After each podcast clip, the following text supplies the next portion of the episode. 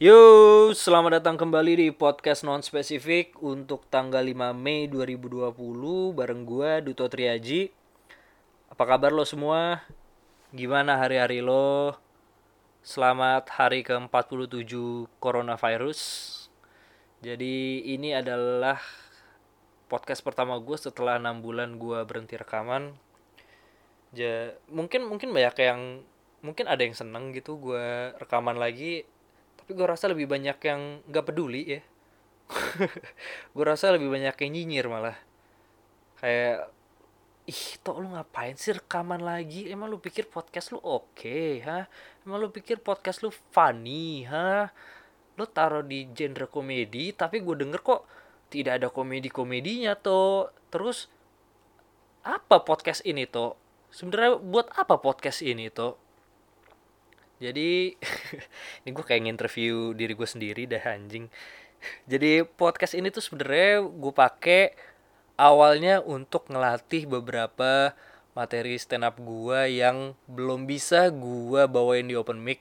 Entah itu emang belum ketemu punchline-nya belum tahu mau dibawa ke mana materinya atau bahkan baru selewat aja gitu di otak gue dan gue ngerasa itu semua harus dikeluarin karena kalau enggak gue bakal lupa.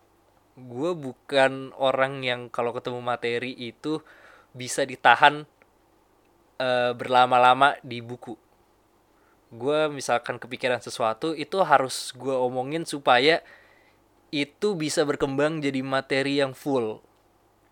Jadi kalau misalkan ada yang nanya ini nggak lucu toh materi lo? Ya memang bukan untuk lucu-lucuan justru gue bawain di sini. Itu karena gue lagi mencoba mencari cabang-cabangnya gimana caranya. Materi gue ini bisa jadi lucu. Jadi kalau misalkan ada lucu tolong kasih tahu gue kalau misalkan nggak ada yang lucu ya udah diam aja. Nggak usah banyak komen.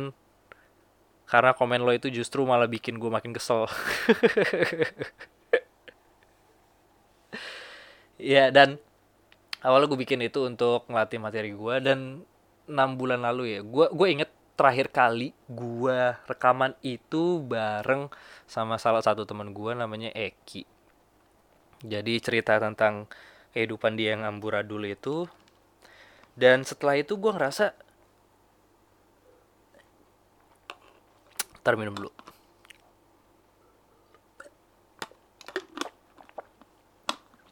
Setelah itu gue ngerasa uh, kok gue jadi nggak ada waktu buat nyiapin podcast ini lagi. Entah kenapa gitu, entah kenapa semua waktu gue yang biasanya gue pakai buat ngedit podcast ini, entah itu nambahin lagu atau misalkan uh, ngekat bagian yang bahayanya, itu nggak ada. Untuk mempersiapkan podcastnya juga tidak ada, mau rekaman juga nggak ada, mungkin ya emang karena gue lagi males aja pada saat itu. Mungkin juga karena funnya dari gue rekaman ini udah mulai hilang pada saat itu jadi ya udah gue anggurin aja dengan alasan gue nggak ada waktu. Gue nggak ada waktu padahal rekaman ini paling cuma 15 menit.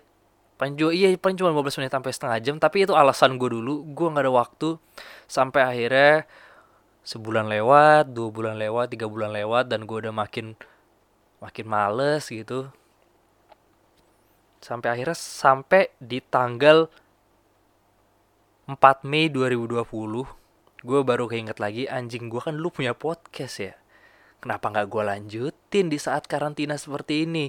Kalau dulu alasan gue adalah nggak punya waktu justru sekarang adalah waktu yang tepat karena kerjaan gue di rumah aja kerjaan gue ya nggak ada kerjaan. Gue di rumah doang tapi kalau gue masih bilang gue nggak punya waktu wah goblok sih goblok sih gue terus ya udah gue coba mencari uh, beberapa catatan gue yang uh, pengen gue bawain. Terus masih nggak jadi juga kayaknya emang emang dari guanya yang males kayaknya ya. Ini or, ini orang-orang yang denger pasti bingung nih. Ini kita dengerin orang yang lagi males bikin podcast atau gimana sih? Kok dari, dari tadi dari awal tuh dari awal dia ngomongin tentang kenapa dia males bikin podcast. Ya kalau males bikin podcast nggak usah bikin podcast lalu mau cari ketenaran di sini ha gitu sampai akhirnya eh, kemarin malam itu 4 April 2000 eh 4 April 4 Mei 2020 gue nonton salah satu film dokumenter di Netflix. Judulnya The Great Hack. Ini mungkin ada beberapa dari lo yang udah pernah nonton cuman buat yang belum pernah nonton uh, jadi ceritanya itu adalah tentang kasus pencurian data yang dilakuin sama Cambridge Analytica kayak kalian masih inget ya sih beberapa tahun lalu itu Facebook pernah kena kasus itu karena eh, data-data mereka itu digunakan untuk kepentingan kampanye Donald Trump. Jadi Donald Trump itu nyewa uh, apa namanya ya konsultan konsultan politik mungkin ya atau iya kayaknya konsultan politik. Nah si Cambridge Analytica ini adalah konsultan politik yang berbasis data. Jadi mereka mengumpulkan semua data-data di Facebook yang nantinya data-data itu bakal digunain untuk menentukan bagian-bagian mana aja sih di Amerika Serikat yang sebenarnya bisa ditarget untuk kampanye Donald Trump. Gila, gue nontonnya gila. Seberbahaya itu semua data-data kita digunakan oleh mereka dan kita nggak sadar sama hal itu. Karena kita ya misalkan gunain Facebook atau Instagram ya kita main klik-klik aja, kita main scroll, kita main like, tapi ternyata semua yang kita lakuin di di sosial media di Instagram, Facebook, Twitter, WhatsApp atau apa pun itu atau mungkin Tinder itu semua direkam sama mereka. Jadi kalau misalkan lo sering swipe right di Tinder itu semua kerekam lo misalkan tahu uh, misalkan si Tinder jadi tahu oh ternyata si si orang ini suka cewek yang kayak gini Nah, sama mereka itu ditargetin supaya lo ketemu orang yang sesuai sama kriteria lo. Tujuannya bukan untuk lo nemuin orang yang uh, maksudnya menemukan soulmate lo, tapi untuk ngebuat lo lebih bertahan lama di aplikasi itu. Dan itu cara mereka. Dan itu mereka tulis di terms and eh, di terms and condition mereka cuman kita terlalu males buat baca. Gue gue termasuk orang yang males baca terms and condition itu sih karena terlalu panjang dan menurut gue apa anda ini nggak jelas mendingan gue langsung aja klik. Gue cuma mau swipe right dan ngewe dah itu aja. Terlalu terlalu lama gitu. Sampai akhirnya di situ ceritain kalau si si Cambridge Analytica ini menggunakan data-data mereka itu untuk uh, mempengaruhi uh, tingkah laku tingkah laku para orang-orang di di di Amerika. Jadi misalkan kalau lu tinggal di Amerika pada saat itu, pada saat kampanye pemilihan presiden tahun berapa sih 2016 ya? Tahun 2016 di mana Donald Trump melawan Hillary dan lu benci sama Donald Trump, lu bakal dikasih iklan-iklan di Facebook atau di Instagram yang kurang lebih isinya itu menampilkan kalau ternyata Donald Trump itu nggak sejahat itu loh. Supaya lu nantinya tertarik buat ngevote Donald Trump. Tapi kalau misalkan lu adalah orang yang uh, mungkin pendukungnya Hillary lu bakal dikasih iklan-iklan yang menunjukkan kalau ternyata Hillary itu jahat woi.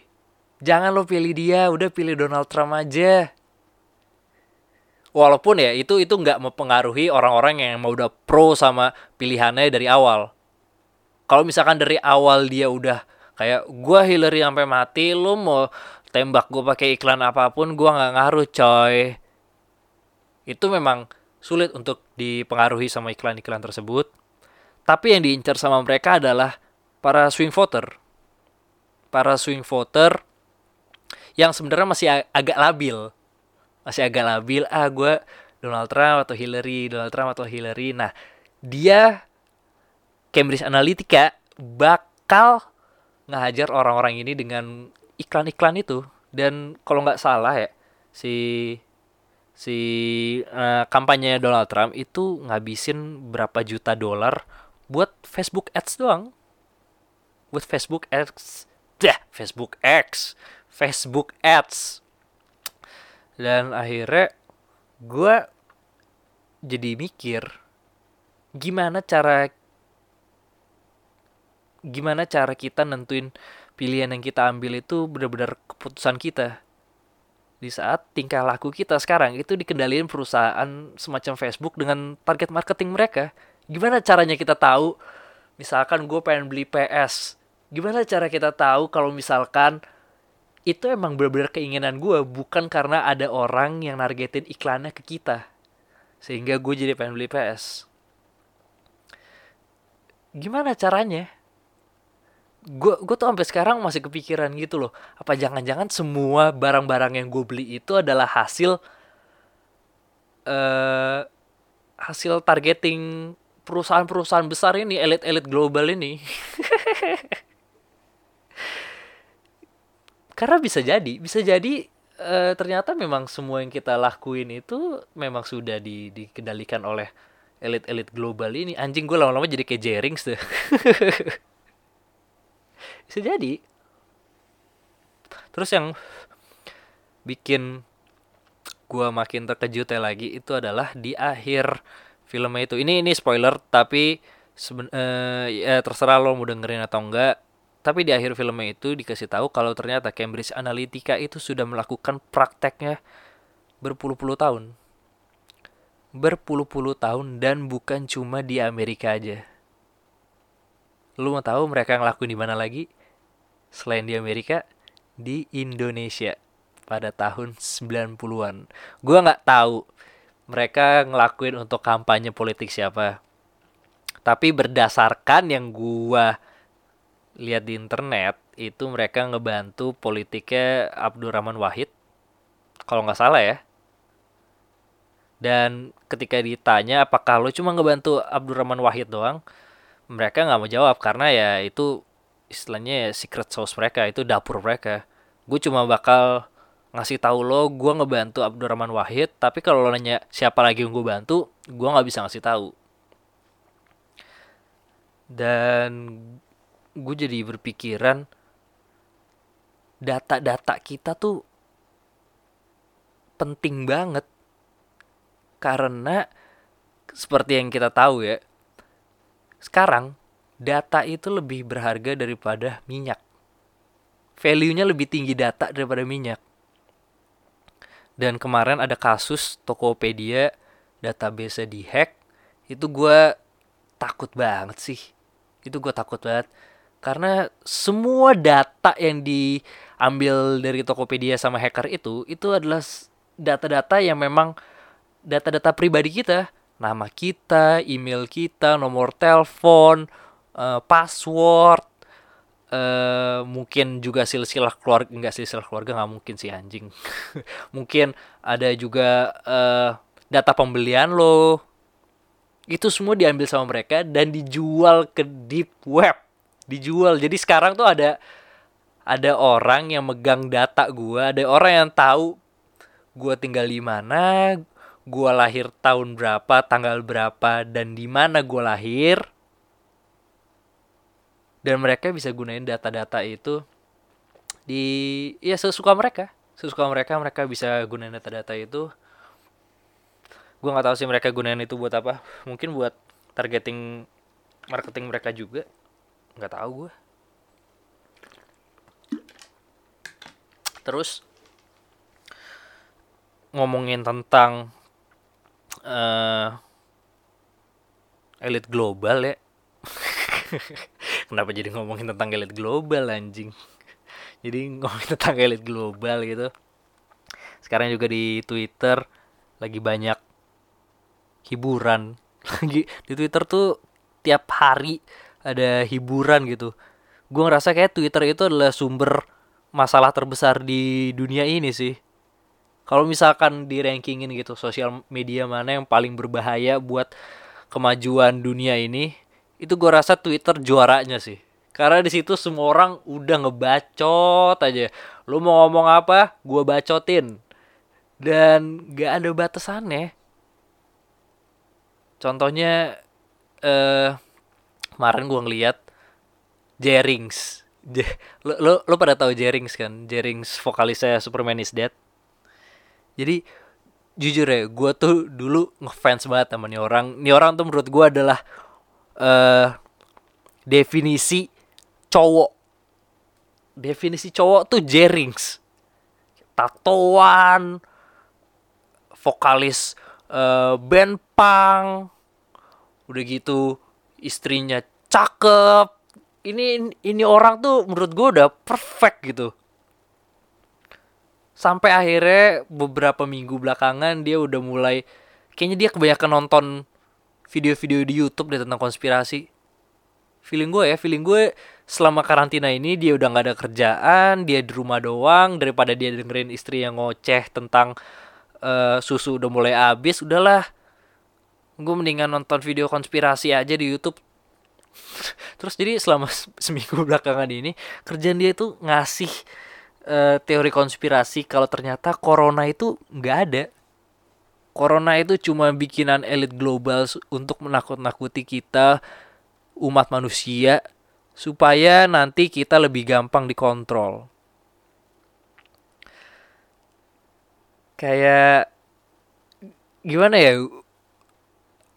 Setelah dia udah mulai ngeluarin teori-teori konspirasi itu, gue mikir anjing nih orang tuh gak ada empatinya ya dia nggak mikirin apa ada dokter yang yang mati ngelawan corona, ada orang-orang yang juga meninggal gara-gara corona, tapi dia dengan gampangnya bilang corona itu nggak ada. Corona itu nggak ada. Terus yang tainya adalah eh, dia kan ngomongnya itu di Twitter ya. Ya otomatis orang-orang di Twitter netizen-netizen ya mulutnya suka geragas itu uh, nyerang uh, nyerang jaring sebalik dia bilang ya lo nggak bisa gitu dong beli jerings lo nggak bisa gitu dong maksudnya ada beberapa orang yang memang terkena dampaknya dan lo nggak bisa dengan kekuatan lo dengan uh, influence lo bilang kalau corona itu nggak ada. Takutnya nanti ada orang yang percaya hal seperti itu. Terus si Jerings bilang oh yaudah kalau gitu siapa yang berani debat sama gua tapi ketika ada orang yang debat sama dia, sama si Jerings, itu orang malah ditai-taiin, malah dibangsat-bangsat. Anjing ini orang galak banget. Ini orang tuh laki dah pokoknya. Ini definisi laki yang terjebak dalam dunianya sendiri gitu. Dia berpikir kalau laki laki itu adalah orang yang uh, paling tinggi derajat dibanding orang lain gitu. Fix nih, Jerings nggak beres nih. Gue kayak ketemu Jerings gue gue tempeleng dan orang. Siapa tau gue tempeleng tempeleng Jerings? Terus uh, eh, gue ngeliat gue ngeliat kayak uh, istri si Jerings kasihan gitu sih. Kasihan gue ngeliat istrinya. Itu pasti istrinya capek tuh tiap mau tidur dengerin pilot talksnya itu teori konspirasi si Jerings tuh Wah itu capek banget sih asli. Kayak mau tidur gitu. Terus si Jerings bilang ke istrinya sayang kamu hari ini cantik banget. Tapi kamu lebih cantik kalau kamu nggak pakai Microsoft loh. Karena Microsoft itu adalah konspirasi yang dibentuk oleh Bill Gates untuk menguasai seluruh orang di dunia ini supaya mereka lebih gampang dikontrol Terus istri langsung kayak ih kamu ngomong apa sih? Terus jaring kayak udah nggak usah banyak omong sekarang nungging kita ngewe.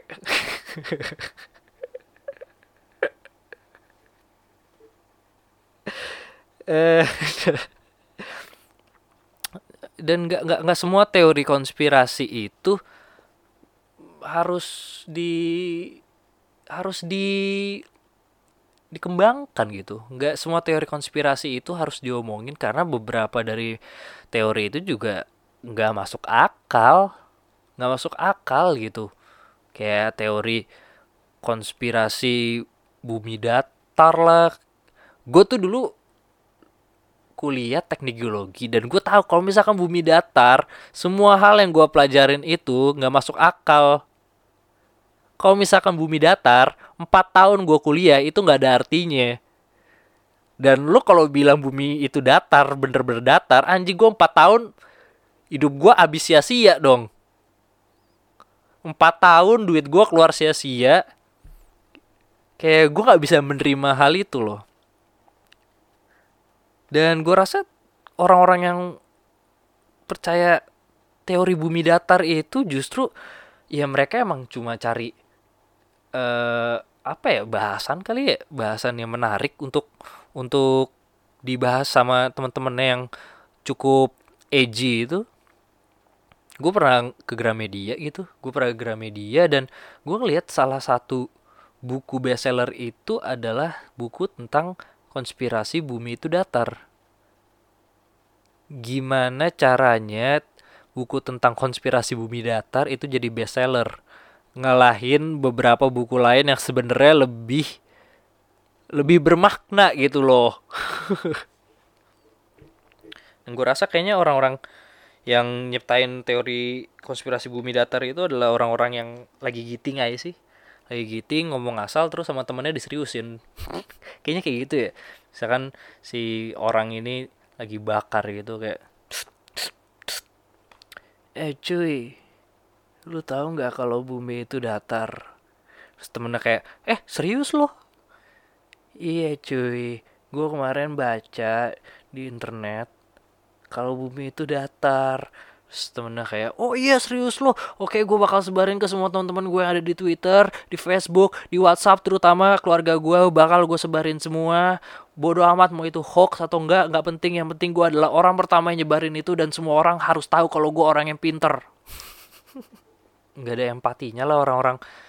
Maksudnya oke okay lah konspirasi itu emang menarik. Gue pun dulu juga bahkan sampai sekarang ya sampai sekarang gue tuh orang yang suka baca teori konspirasi itu. Tapi gue bukan di tahap di mana uh, ya teori konspirasi itu segalanya.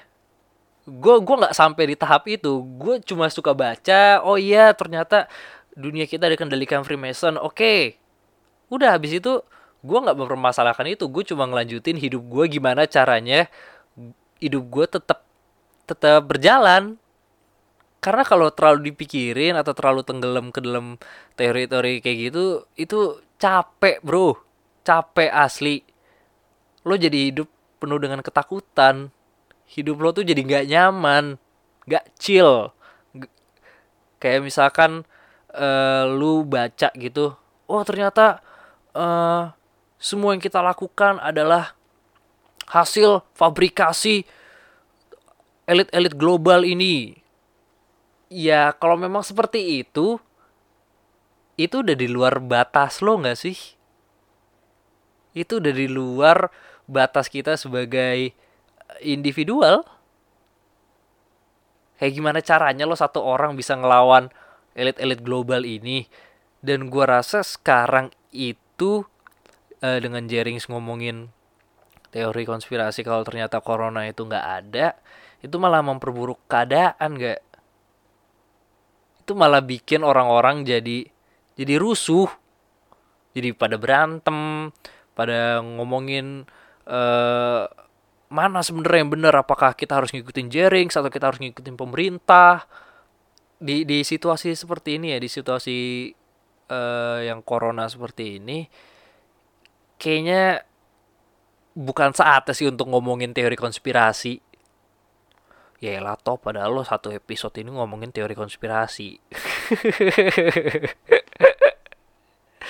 Bukan saatnya gitu. Kalau emang pengen ngomongin nanti setelah corona ini selesai gitu setelah memang uh, pandemi ini udah hilang vaksin udah ketemu baru deh kita cari itu siapa sebenarnya yang benar-benar nyebarin corona ini. Kita cari siapa dalang di balik ini kalau ketemu udah kita telanjangin kita arak keliling Monas. Dah kayak gitu. Tapi tunggu sampai ini semua selesai supaya ya ini semua cepat selesai. Karena kalau kayak gini semua jadi ribut sendiri. Yang uh, orang maksudnya si si dokternya mau ngobatin orang tiba-tiba si eh tiba ada beberapa orang lain yang bilang ah lu dokter buat apa sih ngobatin orang orang corona itu adalah uh, pembohongan yang dibentuk oleh elit global kok. Buat apa gitu? Nggak tau lah. Gue rasa Jering kayak lagi lagi susah dapat kerja aja kayaknya. Ya siapa yang nggak susah di saat seperti ini? Siapa yang nggak susah? Gue aja sekarang udah mulai stres nih di rumah doang. Kayak capek gak sih lama-lama di rumah doang? Awalnya tuh seru gitu loh. Awalnya kayak oke okay, asik di rumah doang nggak ngapa-ngapain. Ini saatnya gue berkarya tapi ternyata udah di rumah doang nggak ada karya-karya juga. Kerja cuma tidur tiduran main PS nonton YouTube nonton Netflix. Nggak ada yang dilakuin nggak ada positif positifnya dan gue rasa mungkin mungkin situasi karantina ini adalah situasi yang ditunggu sama pengangguran mungkin ini adalah tahunnya mereka. Mungkin tahun 2020 ini adalah tahunnya pengangguran. Karena selama ini pengangguran di selalu selalu kita kata-katain gitu. Selalu kita bilang, "Ah, dasar lu nggak berguna di rumah doang." Sekarang mungkin saatnya pengangguran bisa bilang, "Ah, bener kan apa yang gue lakuin selama ini? Lu sekarang pada pada bingung mau ngapain di rumah doang. Hei, gue dari dulu udah terbiasa di rumah doang panggil gue senior lo sekarang. Hmm, cium tangan gue ya jadi begitulah untuk episode kali ini. Anjir lama juga gue bisa ngomong ya? 26 menit. Oke oke oke oke. Menarik juga. Gue padahal targetin 15 menit doang. Yaudah segitu ya dari gue untuk uh, episode kali ini Thank you buat lo semua yang masih dengerin. Kita ketemu lagi di saat gue ada hasrat untuk bikin podcast lagi. Dah.